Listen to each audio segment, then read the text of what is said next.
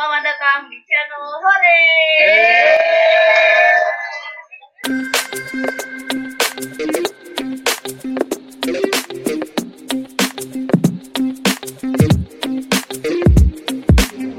Tadi kan udah ngobrolin soal menunggu buka puasa. Nah, ada nggak sih momen-momen pas ngabuburitnya banget ataupun malah pas buka puasanya?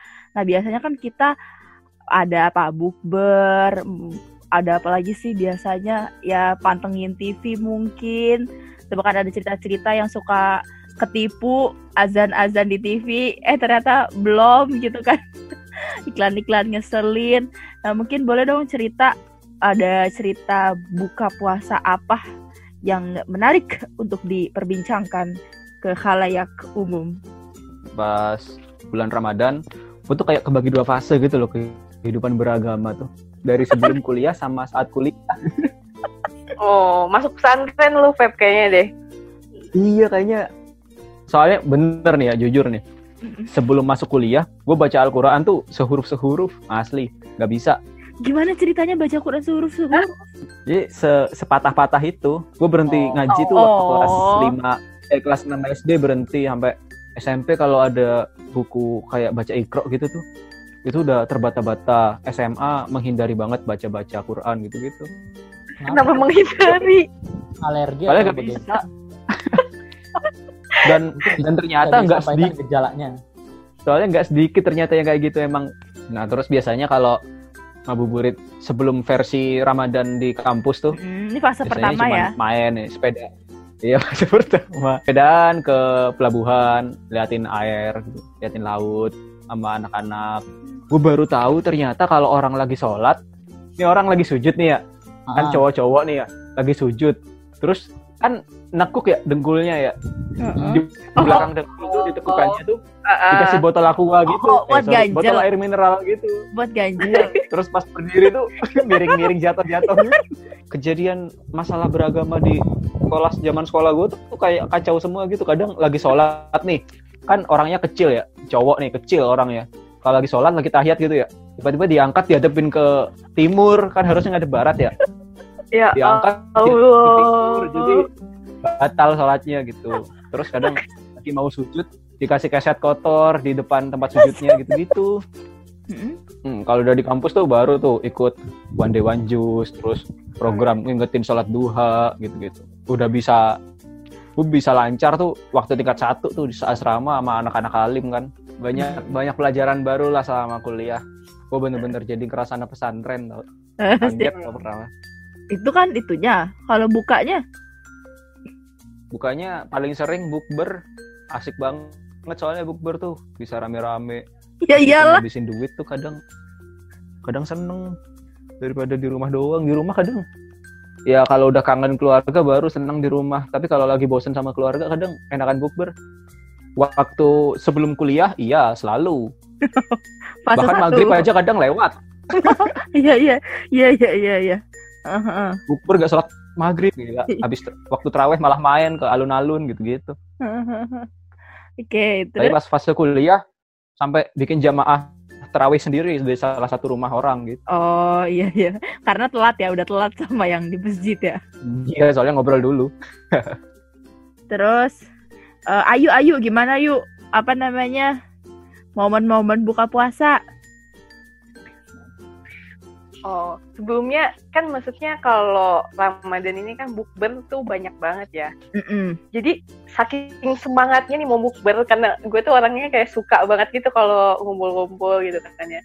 Jadi biasanya awal-awal eh, kayak hari pertama puasa gitu-gitu udah kayak nulis nih ini mau bukber apa aja ya ada bukber SD ada bukber Ah. SMP SMP-nya juga dibagi-bagi ada kelas 9 ada kelas 8 Mm-mm, mm-mm, bukber. SMA, bukber kuliah, bukber organisasi ini ini ini. ini. Sebenarnya tuh kalau misalnya kita bukber tuh pasti kita tuh pengennya tuh bareng-barengnya kan ya.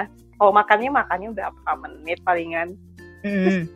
Paling yang paling wajib tuh biasanya di bukber walaupun banyak ini pasti orang-orang pengennya TOD-an.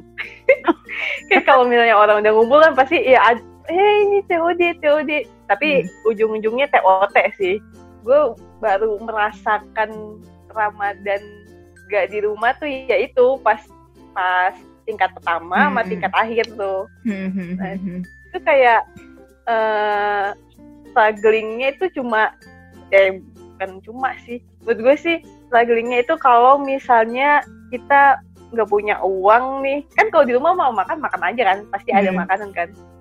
Terus kalau kayak misalnya di kalau misalnya di asrama tuh eh, udah mulai azan nih. Biasanya tuh kayak ke kamar teman-teman kan biasanya eh ada apa nih? Tuh mulai Oh. tuh kan. Oh, kumpul tuh ya. barter ya, barter.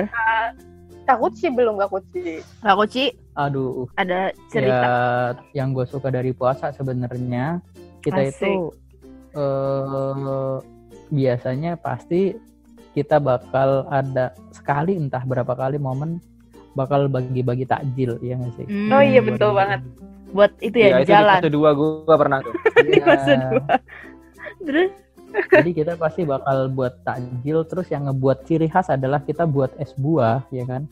Buat es buah dari satu toples gede pakai sirup habis itu dimasukin ke dalam gelas-gelas plastik itu khas banget dan pasti ada yang tumpah tuh. Jadinya setelah itu lengket. terus Lantai lengket setelah itu. setelah Terus itu, diinjek-injek sama banyak orang. Jadi yang gua ingat ketika puasa berbuka yaitu tadi ya sama lah sama teman-teman semua.